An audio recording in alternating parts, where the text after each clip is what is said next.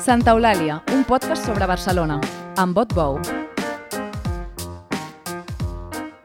Com explica el crític Julià Guillamont, Barcelona està en transformació constant, cada dia més despersonalitzada. I en la literatura es veu perfectament. Ell mateix ho va relatar a l'assaig La ciutat interrompuda, un concepte que ha fet fama perquè explica molt bé els mals de la ciutat.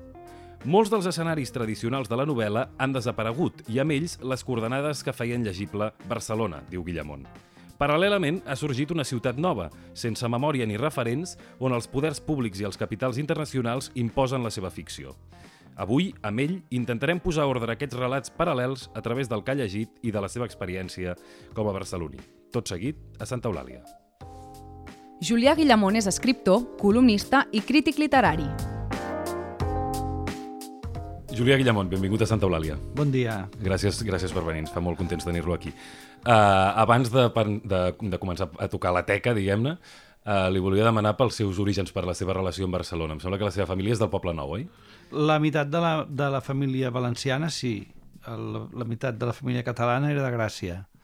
Per tant, to, tota la família de Barcelona, per això. Sí, passa és que de, eren els primers que havien nascut a Barcelona. Els avis eren tots de fora, com passa amb molta gent barcelonina de la meva generació. Mm -hmm. Vostè ha viscut sempre a Barcelona, fins ara? Jo havia viscut sempre a Barcelona, primer a Poble després a Gràcia. Vaig fer el, el recorregut a la inversa que la meva mare. La meva mare va anar de Gràcia al Poble Nou i ho va viure molt malament, perquè el Poble Nou, que ara és tan cuqui, uh, quan, jo, quan nosaltres érem petits era un desastre. Per què era un desastre?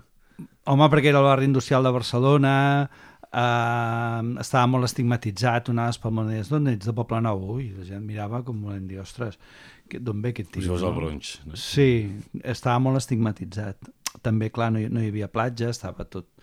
L'accés al mar estava, estava diguem-ne, interromput i, i era, una, era una barri que conservava molt la cosa industrial i no tenia el glamour que té ara. Això quan vostè era jove i petit ja, ja va començar a canviar? O... No, això va trigar molt a canviar.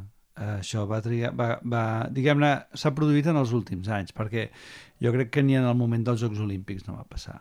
Diguem-ne, ha sigut una, ha sigut una cosa dels, últim, de dels últims 15 anys, potser, i molt accelerat en els últims els últims dos o tres. En el moment que es, de, que es decideix que allò serà una mena de centre neuràlgic, tecnològic, o, o que s'intentarà que tingui aparença d'això? Bueno, en el quan- moment en què la ciutat es converteix en una mena de Rio de Janeiro estrany i aleshores la gent eh, valora doncs, anar a la platja i, anar, i fer surf i, i anar en patinet i aquestes coses, no?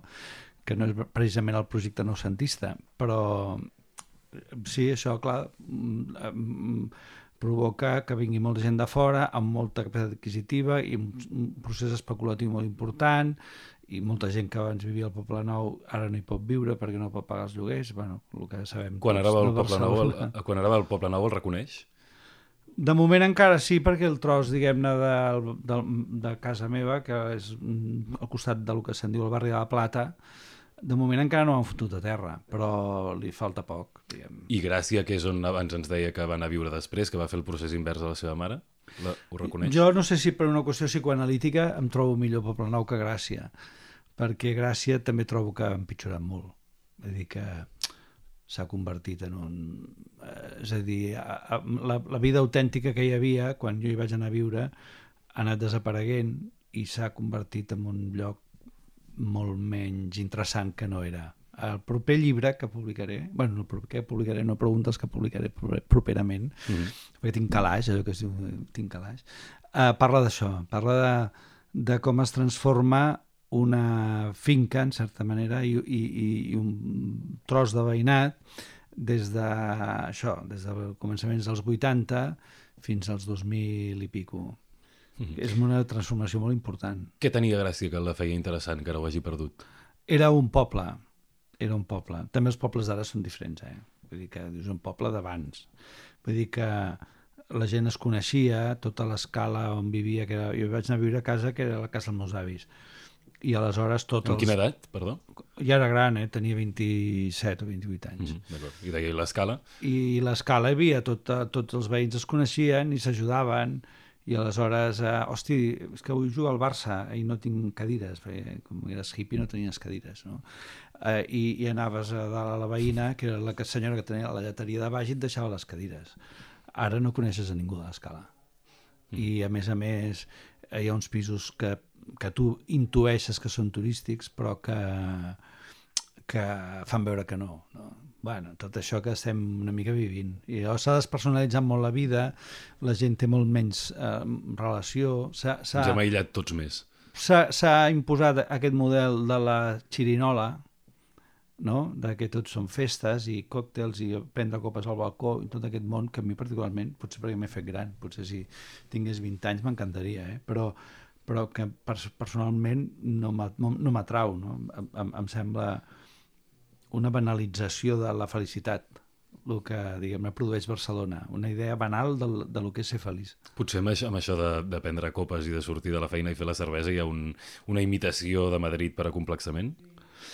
Jo havia anat de copes fins a l'esgotament, no? Uh, M'agradava molt, però uh, els llocs eren diferents, les dinàmiques eren diferents, la societat no estava tan massificada, uh, hi havia més gent normal, diguem-ne, no gent de pas, sinó que anaves, no sé, quan, a l'època bona del biquini, sense... Jo no sóc nostàlgic, eh? ho, ho explico perquè passava, no perquè no, no, i per, per saber les no diferències. No perquè tingui nostàlgia, uh, però quan anaves, per exemple, la gent que sortia del biquini, pues sempre uns, era, hi havia un tipus de gent que era el que sortia, que eren les infermeres que sortien de torn, els periodistes que tancaven les, les edicions dels diaris els, els borratxos, naturalment, els balladors de salsa i els eh, noctàmbuls empadernits, no? Llavors, aquests, i els, alguns escriptors. I llavors això era el públic, no? Eren tribus urbanes, diguem-ne, però totes relacionades amb, amb l'entorn i amb el... Tot, tot tenia un aire, tot tenia un to, tot era petit, diguem-ne, i, i això de ser petit era agradable, perquè la gent més o menys es coneixia, si més no de vista. I, i això li donava un aire molt, molt diguem-ne... Bueno, Barcelona en aquell moment tenia una, alguna cosa. I en quin moment la va començar a perdre? Home, va començar a perdre per, per també... Les coses desapareixen també per, per diguem-ne, dimissió dels propis participants, no? La gent es fa gran. Jo me'n recordo uh, que anava molt a un bar del carrer València que es deia L'Otro, mm. que era un lloc molt fantàstic, posant una música molt bona i tal, i que estava vinculat en el món dels teatreros i anava la gent del teatre, no? I de cop totes les noies es van quedar embarassades. I el bar va tenir un canvi de, diguem, d'ambient, no? Hi ha una part biològica, la gent es fa gran, deixa de sortir, i tal. Clar, però normalment hi ha un relleu generacional que, diguem-ne, el, el, sí, els joves no, haurien d'haver suplert. Ca, cada, diguem-ne, cada... Els bars tenen, tenen genera, són generacionals. O sigui, eh, la gent s'enamora d'un bar i aleshores aquell bar es converteix en el bar d'aquella època. I després quan, um, diguem, passa aquella gent i aquella època, apareix un altre bar, no? Amb una altra gent i amb una altra dinàmica. O sigui, ara, per exemple, jo vaig al Canigó, que està al costat de, de Viscara, i el Canigó, hosti, està patat. Això a, a, a, a Gràcia. A la plaça Revolució. Sí, i és un lloc que té un èxit sensacional, però que abans no el tenia, aquest èxit tan sensacional. Mm -hmm. Vull dir, són dinàmiques pròpies de, de la ciutat i que està bé que sigui així. El que passa és que aquí, clar, la nostra ciutat, la nostra Barcelona és molt complexa i passen moltes coses i moltes coses, diguem-ne, d'un circuit que no és intern de la ciutat, sinó que són que, que porta doncs, a tot arreu del món, no? Llavors, clar, tens una població flotant molt important, tens molt turistes, tens gent que està estudiant aquí, doncs, a, a, de tot, des de disseny fins a el que vulguis. Llavors aquesta gent té els seus propis circuits, les seves pròpies coses, no interactuen gaire amb, amb les coses del país. Jo crec que és un dels mals, aquest. Diguem-ne que hi ha aquesta població que, flotant que diu vostè, que pot passar tranquil·lament per Barcelona fins i tot una temporada i, i no entrar en cap moment en contacte amb, amb la realitat. Això ho explica el Banyes en el seu llibre, aquest últim, que està molt bé. Vull dir que podries tenir Barcelona sense cap barceloní. Mm. De fet, això ens serveix una mica per enllaçar amb, amb una de les raons, potser la raó central per la qual volíem parlar amb vostè, que és el seu assaig La ciutat interrompuda, publicat l'any 2001 i reeditat el 2019, que de fet, eh, una mica això que parlàvem ara és una de les tesis del llibre, no? Vostè, digui, digui. Jo vaig escriure el 2001 perquè eh, com que era el Poble Nou, em rebentava el, tot el tema de la Vila Olímpica.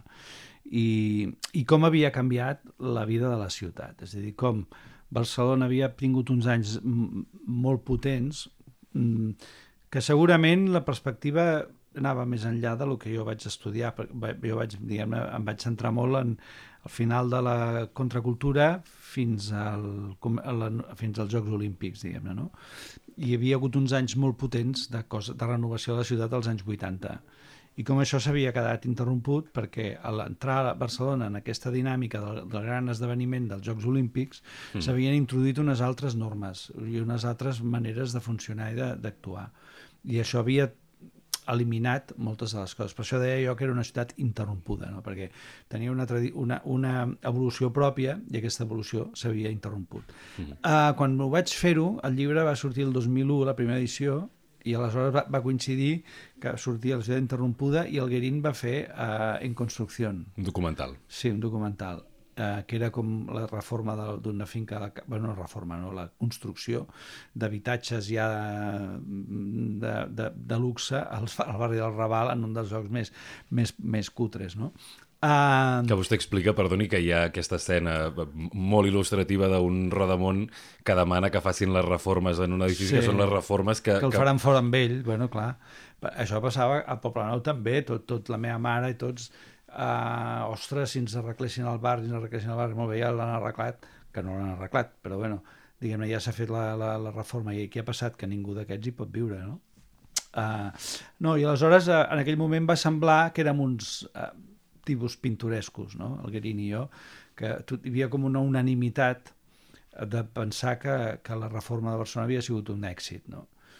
I va ser com les dues primeres veus discordants que van sortir, i després el que jo he constatat és que jo, vaig, jo particularment em vaig quedar molt curt, perquè eh, intentaves, diguem-ne, donar una, una visió atemperada, però després el que ha passat ha superat totes les previsions. Uh -huh. De lo que allà ja s'apuntava allà, d'aquesta despersonalització, de la manera com el gran capital internacional, doncs, eh, sense cap escrúpol, ho manipula i ho trinxa tot, com ha anat desapareguent, doncs, tota la traça de, de, de vida urbana autèntica dels petits locals, com, no sé, el senyor del Jofama, que és un bar de tota la vida, a tancar sí. uh, per collons perquè un fons voltor ha comprat l'edifici i no té més remei que plegar. Doncs tot això, la veritat, el 2001, ens vam, jo em vaig quedar curtíssim. Vostè el 2001 escriu amb una certa esperança que encara, que encara és reversible el procés de despersonalització? No. Ja no. Ja, en aquell moment ja creia que no era... Que no, no era perquè ja es veia. El que passa és que no pensava, és com això del canvi climàtic, no? Vull dir que no, no, no et pensaves que seria d'un dia per l'altre i tant, no? O sigui, sempre tens l'esperança que seran uns canvis graduals, però és que el, el món aquest capitalista eh, a l'obèstia no, no entén de canvis graduals és, és tot a, a, a, a mort, no? I llavors els canvis han sigut molt, molt ràpid, a molt poc temps, molt ràpid i molt, profund, molt ràpids i molt profuns. Mm -hmm. Abans parlava mm, vostè de la, de la dimissió, diguem-ne, no sé si deia dels barcelonins o de les institucions, però no sé si, si podríem haver fet alguna cosa, si va ser un error fer els Jocs Olímpics, si va, en, en quin moment es van torçar les coses o si és que era inevitable. bueno, jo en el llibre explico que, clar, que hi ha un moment de... Jo no sóc economista ni res de tot això, no? Jo sóc un crític literari que examino el que diuen els escriptors, però ho intento contextualitzar, no? I aleshores hi ha un moment en què hi ha una crisi de, creix... de, de desenvolupament del projecte dels Jocs Olímpics. I aleshores, eh, amb, amb diguem-ne, la idea aquella d'una mm, col·laboració público-privada eh, es desequilibra de, de manera que el, el poder públic deixa de realment dirigir l'operació. Mm -hmm. Se'ls escapa de les mans. Jo crec que estem aquí, perquè ara qui, qui realment dirigeix l'operació Barcelona? Um, el, el, els poders públics no fa l'efecte, no? De vegades fa la sensació, per exemple, que ho fan molt els tècnics per, per, per això que deia, per incompareixença dels polítics amb algunes coses. No, jo entenc que ha de ser molt complicat, o sigui, jo no critico tampoc, eh? perquè entenc que quan entres en una voràgina d'aquest tipus que entra a Barcelona és complicat, perquè tu què pots legislar o què pots regular, o què pots... sí que pots regular coses i pots... però, però, però estàs enmig d'un huracà, eh? Mhm. -huh. Aleshores, això, jo en aquest aspecte tampoc no, no sé, tampoc ni entenc prou ni tinc prou competència com per posar-me a criticar els que ho han de portar. No? El que sí que és veritat és que no que, que el procés... Sí, que jo crec, jo crec que tothom tenim una mica la sensació que Barcelona se n'ha anat de les mans, no? Mm. Amb això, en el camp que ho porta vostè, sobretot parla d'altres disciplines, però sobretot el camp de la literatura. Uh, I, de fet, vostè explica això, diu, molts, molts dels escenaris tradicionals de la novel·la han desaparegut i amb ells les coordenades que feien llegible la ciutat i, paral·lelament, ha sorgit una ciutat nova sense memòria ni referents on els poders públics i els capitals internacionals imposen la seva ficció, que és una mica aquest, aquest diagnòstic 2001, que feia ara. Eh? Però, però, però diguem-ne que després això ha sigut i això aplicat a la literatura, com, com s'ho explica, si ens ho pot desenvolupar? En literatura, uh, bueno, quan vaig fer la segona edició de la Ciutat Interrompuda vaig afegir 150 pàgines perquè, clar, havien passat tantes coses des del 2001 al 2019 uh, i, de fet, el llibre es va, va trigar molt a, a, a tornar a sortir perquè aquesta part no, no me'n... Era, era incapaç de, de, de... Hi havia tanta literatura sobre Barcelona que era, era, era molt difícil de, d'establir unes, uns referents i unes fites i, unes, I un uns, uns elements de dir aquí passa això, aquí passa allò. No? Uh, jo, jo crec que la literatura ha tingut la virtut de, de, de, de cridar l'atenció sobre aquest procés. No? És a dir, del punt de vista social també, és a dir, hi ha, hagut moviment social, moviment veïnal, però com que hi ha hagut un, una voluntat de, de, de matar-ho, això, doncs ha tingut una acció, mm, a vegades amb, amb puntes molt intenses, però en general amb una pèrdua d'incidència. No?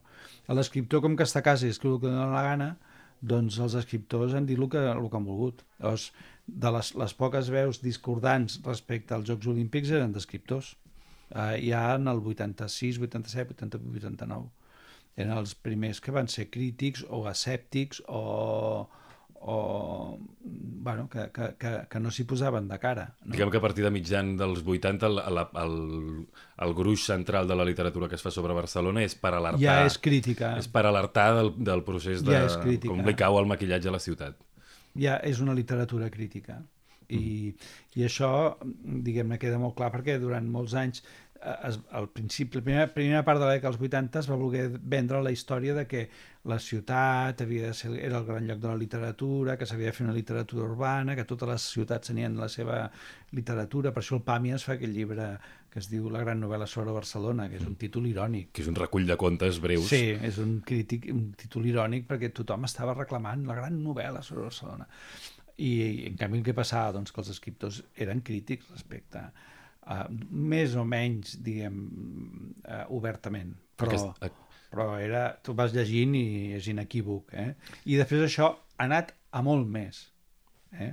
Uh, diguem-ne, en els últims 20 anys s'ha multiplicat, o sigui, les crítiques han sigut cada cop més contundents i més generalitzades. Ara, també ha passat el fenomen contrari, és a dir, que jo crec que és una cosa que jo explico al llibre i crec que no s'havia explicat mai a la segona part, que és que ha, ha sortit una literatura del model Barcelona. És a dir, que Barcelona s'ha convertit en un producte eh, no només com a ciutat, sinó també com un producte editorial. No? Llavors surten aquestes novel·les sobre el, la història del Barça, eh, eh l'Hospital de Sant Pau, uh, la catedral dels pobres. El, llavors surten llibres d'aquest tipus que, es, que converteixen diguem la història de la ciutat en un producte. I, mm. per com, tant, com si fossin petits fulletons turístics per, mi, per conèixer la ciutat a trossos. és una cosa que, que, que estan a la mateixa onda i que abans no existia. És a dir, això és una cosa que ha aparegut en els últims 20 anys. Um, perquè la marca Barcelona ha, diguem-ne, ha venut. Hi ha gent que, li, que, que ara de bona fe que vol comprar doncs, llibres. Perquè abans, fixa't tu, que fins i tot La ciutat de los prodigios, que va sí. ser la novel·la que es va vendre com la gran novel·la sobre Barcelona i tal, era una novel·la molt crítica. Uh, no, no amb la Barcelona del, del 92, perquè era una Barcelona, era una novel·la històrica que s'acaba el 1929, però quan tu veies el que el Mendoza deia de l'exposició del 88 i de l'exposició del 29, i veies, Hi havia un paral·lelisme. I veies el 92 a darrere, i, ve, i veies i, i, i podies veure el 92, perquè la novel·la va sortir el 86 i en aquell moment encara, diguem-ne, no havia donat el tom la situació, però, però sí que hi ha elements crítics respecte al desenvolupament de la trama urbana i de, Aquest, i de la societat barcelonina. Aquest reclam tan constant perquè sorgís la gran novel·la sobre Barcelona en aquesta època, de tota manera, potser era perquè per part dels lectors o per part d'un cert cercle eh, o del gran públic no es considerava que, la, que aquests relats crítics sobre la ciutat fossin representatius del, del dia a dia a la ciutat? Era un o... tòpic, era un tòpic, però que era un tòpic que ja contenia, diguem-ne, una mica el, el virus d'aquest tipus de... A, a, a veure, es volia fer una novel·la més, més ben feta, una novel·la culta sobre Barcelona, mm, que, que diguem-ne, fos una targeta de visita internacional. Es considerava, per exemple, que el Mendoza sí, però, però no. No? Diguem, havia de ser una novel·la més... Una gran novel·la, una mica amb una idea de lo que era la novel·la, els que ho demanaven. Uh, però hi havia ja una mica el, el verí, perquè era la idea d'una novel·la que ens donés a conèixer a fora, que ens ensenyés a fora, que ens veiés la gent de fora com som els catalans i els barcelonins i tot això. O sigui, ja hi havia aquest element jo crec que això, la literatura, la literatura és literatura, la literatura no té per què donar a conèixer com són els barcelonins i com són els catalans. La literatura planteja problemes humans de caràcter general, aplicats a situacions concretes de persones concretes. Tam També és un tòpic que la, que la literatura realista sobre la ciutat eh, s'ha escrit més, sobretot després del franquisme, diguem-ne, s'ha escrit més en castellà que en català? Hauríem d'entrar en el detall, no? Però, però sí que és, hi ha una cosa que és molt clara, com va sortir el llibre del, Miqui, el, del Miqui Otero. Simón. Simón. Eh, vaig fer un article eh, explicant que, clar, per una persona que escriu en castellà a Barcelona és molt més fàcil que per una persona que escriu en català escriure aquest tipus de literatura. Per què? Perquè hi ha una tradició que sempre és la mateixa. És a dir, si tu llegeixes La ciutat dels prodigios i llegeixes el Batusi del Casabella i llegeixes el, el Miqui Otero, és que és el mateix eh, és una literatura que té una base realista que potser ve del Baroja, originàriament, barrejada amb altres coses, eh? però, però que bàsicament és això i que és molt consolidada i que més està consolidada per una raó molt important, que és que té públic. És a dir, que, que les tres grans novel·les aquestes han tingut èxit. Per tant, és un model que funciona i que cada, cada tants anys es reactualitza no? es reactualitza amb elements que són constants. No hi té a veure que com que és escrit en castellà té menys connexió amb la tradició pròpia de la literatura catalana i per tant es pot, es pot girar una mica més d'esquena a certs elements de la història del país? Bueno, crea una altra història. Crea, crea la història de que un bar gallego, el cas del Miqui Otero, doncs un bar gallego és el centre del món. Clar. Saps? Vull dir que tu podries fer-ho... Eh, bueno, hi ha més coses que el bar gallego, però el bar gallego és bastant important eh, diguem que tu podries eh, fer-ho d'una altra manera, però en canvi eh, jo crec que hi ha una mena d'embarbussament de, de, de dels escriptors catalans respecte a, a Barcelona, perquè Barcelona és un, per, per, una perso per un català és un, un problema. Per què? Perquè és una ciutat que és capital i que no vol ser capital, eh, és, ven el seu cosmopolitisme a costa de la seva identitat, bueno, tota una sèrie de qüestions. Clar, però llavors és això, diguem-ne, que els escriptors catalans se senten més, més uh, obligats o més amb el deure de, de, de reflectir els problemes d'identitat o els problemes culturals o els problemes eh, nacionals i polítics que hi ha a la ciutat que no pas els, els escriptors Home, és que el tema, el te espanyols. Per nosaltres el tema de l'identitat és molt important. Clar, l'altre dia parlant amb el... que jo vaig presentar el llibre del, Uh, de l'Antonio Baños. De l'Antonio Baños, sí. Uh, doncs ell deia, és que la, la gran novel·la de Barcelona és el barri de la Plata. Va, en deia d'altres, eh, però va dir, va dir el meu. Clar, de què va el barri de la Plata? Va d'uns valencians uh, que es venen a Barcelona a la dècada dels anys 20, castellanoparlants, perquè són de la, de la part interior, entre, arriben a un barri on tots són valencians castellanoparlants i, i, i, i els fills són catalans. Aquest és un discurs, però clar, és un, és un discurs que potser no és el discurs que la ciutat ven, no? Mm. Eh, per una banda. Per l'altra banda, no sé, potser nosaltres ens podem reconèixer amb el bar gallec i ells no es poden reconèixer amb el valencià que es fa català. No sé, potser el problema el tenen ells. Clar, hi ha, hi ha un moment que vostè parla de la presentació de la ciutat interrompuda i explica que hi conviden eh, els quatre dels autors, diguem-ne, que han escrit més sobre Barcelona, que són Félix de Azúa sí. i Eduardo Mendoza per una banda i per l'altra Quim Monzó i Miquel de Palol, i que després, eh, diu, és una, és una anècdota que tinc pirogravada al cervell pràcticament, que, que és que anem a fer una copa o anem a fer un, no va ser una abans cervesa. la copa, perquè ja després no va haver ni copa. Ah, va ser abans. Va ser abans, per allò que quedes abans i, i tothom era com puntual i, i vam arribar mitja hora abans i com que tampoc jo crec que ni es coneixien eh, massa entre ells, vam anar a prendre una copa. I aleshores eh, hi havia el Manel Uller també, que moderava la taula, els quatre autors i jo. I aleshores el Mendoza es va posar a parlar amb la Zua i el Palol amb el Monzó. I aquí es va acabar la història. Vull dir-te que, clar, eh, ara no sé, entre els escriptors més joves, ara no sé com funciona, però són dos mons bastant separats. Mm -hmm. potser, potser són separats precisament perquè hi ha un, un recel polític entre ells, no? O, en els o... últims anys hi havia, que perquè per... jo amb gent que coneixia, que la coneixia dels bars, vull dir, no la coneixia de cap biblioteca, sinó de, de sortir per la nit, a escriptors castellans a Barcelona, i hi va gent que es van cabronar molt. Però, com ja et dic, el problema era d'ells. No... Jo no tinc mai cap problema amb cap escriptor eh, castellà de Barcelona però ells es van, al moment del procés hi havia gent que, que s'enfilava per les parets. Mm -hmm. hi, ha un, hi ha un exemple una mica il·lustratiu per a la nostra generació que no és pròpiament literatura, però bueno, com que vostè també creua disciplines, diguem-ne, que, és, que és la sèrie Merlí, que és una sèrie, per la meva generació parlo sí. molt personalment fins i tot, uh, que durant la, el, el parell o tres de temporades que es va fer TV3 hi ha un, hi ha un Uh, és, és potser la primera sèrie que parla de Barcelona, que passa a Barcelona, uh, feta amb i per joves, i que parla fins i tot del procés en els anys en què s'estava fent. Uh, I després, què passa? Que s'acaba la sèrie TV3, la, en, Movistar en compra els drets i fan una, una eh, segona temporada, o una segona part de la sèrie que ja és bilingüe, uh, i que la trama, diguem-ne, es, es desdibuixa completament, la ciutat passa a ser purament un decorat i no hi ha, no hi ha cap lligam, diguem-ne, amb l'actualitat mm, del país.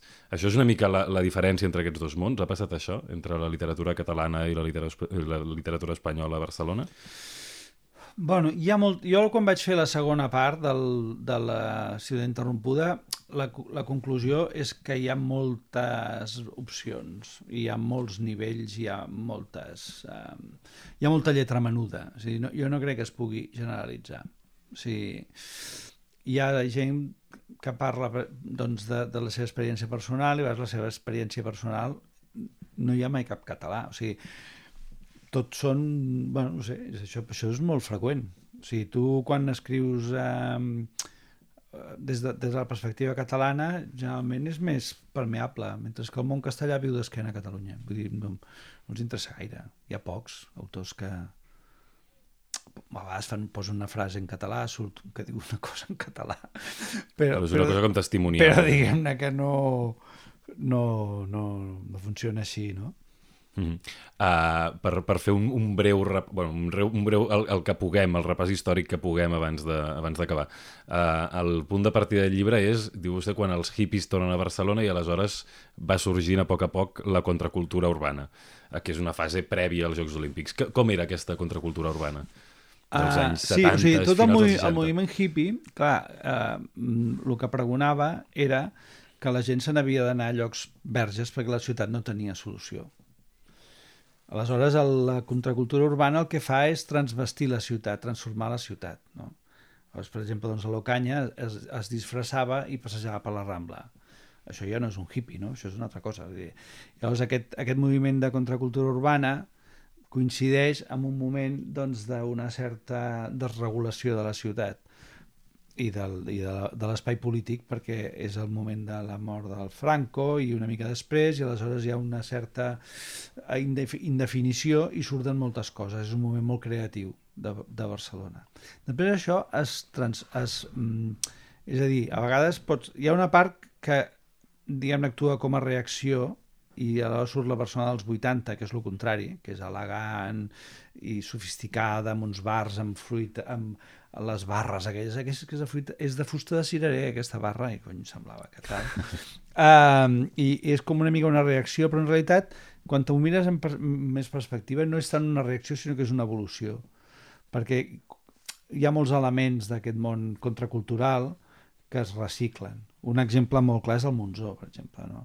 Monzó comença com sent un escriptor contracultural i, i després fa el gir cap a, cap, a, cap a una altra cosa. I aquesta altra cosa eh, és una literatura que és profundament urbana i que creu en la ciutat.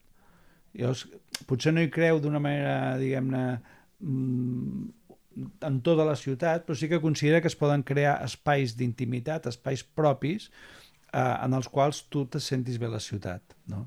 I és aquesta idea situacionista de que hi ha una sèrie de llocs que formen part de la teva, diguem-ne, eh, geografia sentimental que estan units amb unes connexions invisibles, no? I llavors vas, ah, al bar tal, ah, al restaurant qual, ah, allà perquè conec a no sé qui.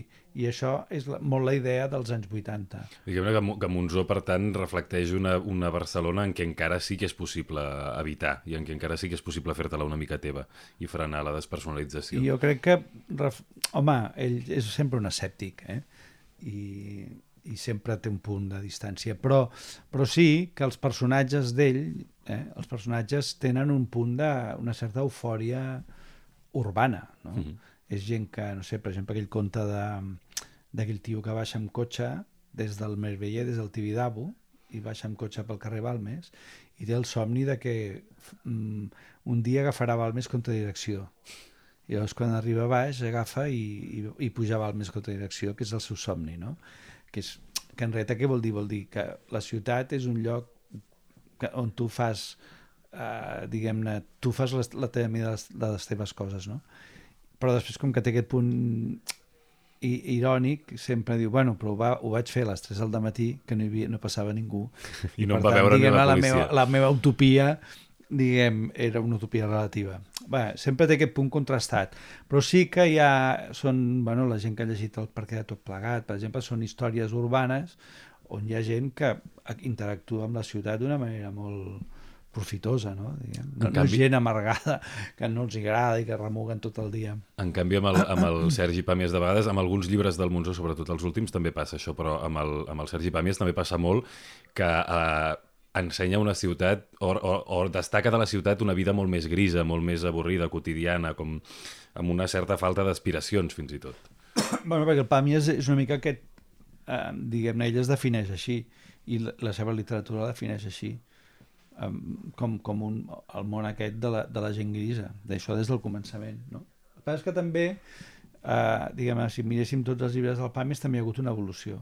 És a dir, que els primers llibres, tot i que eren els llibres de l'home gris, però hi havia una certa, un formigueig de cosa que viva, que de després potser sí, en els sí. llibres posteriors s'ha anat esllenguint. També hi ha, la, la, com he dit abans, la, la dimensió biològica, eh? Bueno, i que hi ha un, hi ha un recolliment, hi ha un component auto... Que quan tens 25 anys escrius una cosa i quan en tens 65 en escrius una altra. Vull dir que, que això també s'ha de tenir en compte. Això amb el Pàmies, per exemple, es veu molt quan comença a escriure sobre els seus pares i sobre la mort dels seus pares, Exacte. que havia estat pràcticament un tabú en la seva obra. Que això també passa amb el Monzó, perquè el, el Monzó, l'últim llibre, no? el, el millor dels mons, i els Mil Cretins, els dos últims llibres, mm. són dos llibres molt sobre aquest món dels pares la la, i, i vinculat a la desaparició també del paisatge urbà en el qual et podies reconèixer.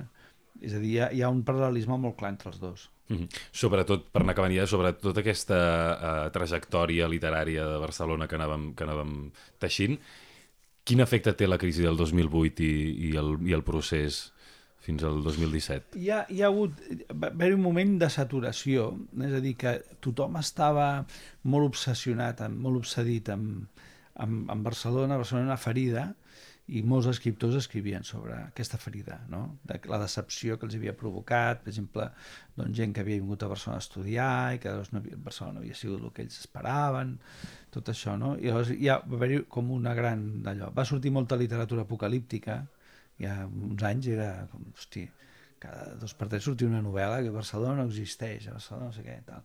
i tot tenia aquest punt. I jo crec que ara hi ha un moment d'esgotament, d'esgotament és a dir, que, que la, jo, jo no sé si és perquè però ara llegeixo, per exemple, aquestes novel·les de Sant Jordi últimes, no, crec que no n'hi ha cap que surti a Barcelona. Bé, de fet, hi ha un fenomen molt interessant, que és que les, les tres novel·les així que han tingut una mica més d'èxit escrites en català per, per joves catalans, eh, que són, podríem dir, Napalm al cor del Pol Guasc, Terres sí. mortes de la Núria Bendicho i, i per mi Covarda Vella tan salvatge de l'Aria Paco fa, fa gràcia perquè Covarda Vella tan salvatge sí que parla més de Barcelona i parla, i parla molt de, de la relació entre el poble i la ciutat Uh, però la, la part central de l'acció passa a, a Igualada, que és una ciutat mitjana, diguem-ne, lluny de Barcelona.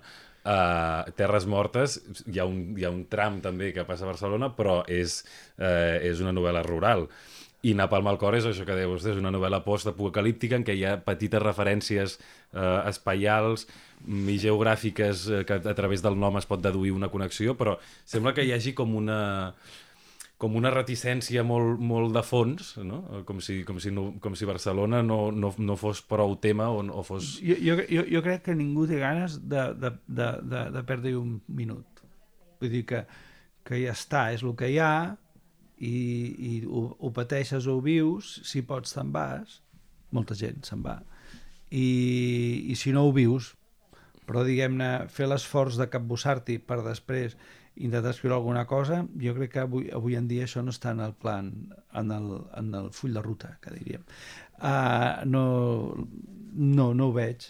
I, i hi ha un, un interès més cap, al, cap a la cosa personal, jo crec que tots aquests llibres que has dit són llibres introspectius, on hi ha un paisatge interior, i poc interès per el que passa a Barcelona. A mi per això m'ha meravellat el llibre del Banyos, perquè m'ha semblat que era un llibre que aprofundeix en moltes coses que els altres ens fa mandra mirar-nos-les. Mm -hmm. Que és un assaig per això. Sí, és un assaig.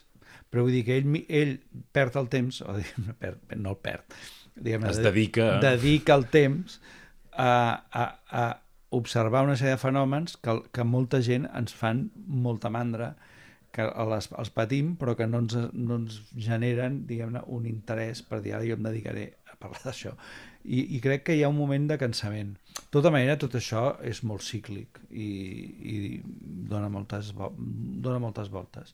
Vostè mateix ha marxat de viure de Barcelona i ve sovint, però, sí. però s'han anat, no sé si té a veure una mica aquest, capsament, aquest cansament o aquesta mandra de capbussar-s'hi.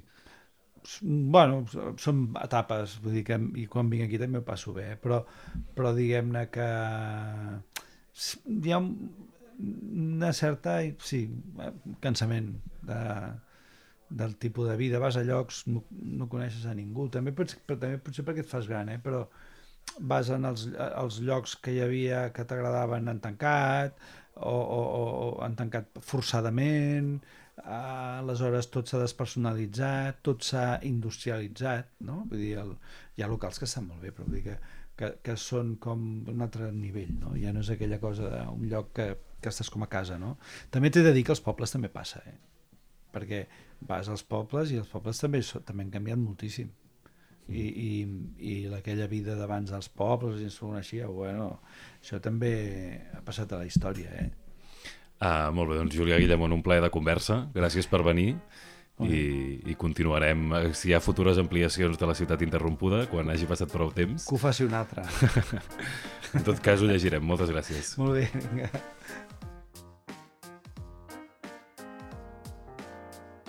Santa Eulàlia és un podcast de VilaWeb presentat per Otbou amb Carles Garcia al servei tècnic i a les veus Maria Castanyer.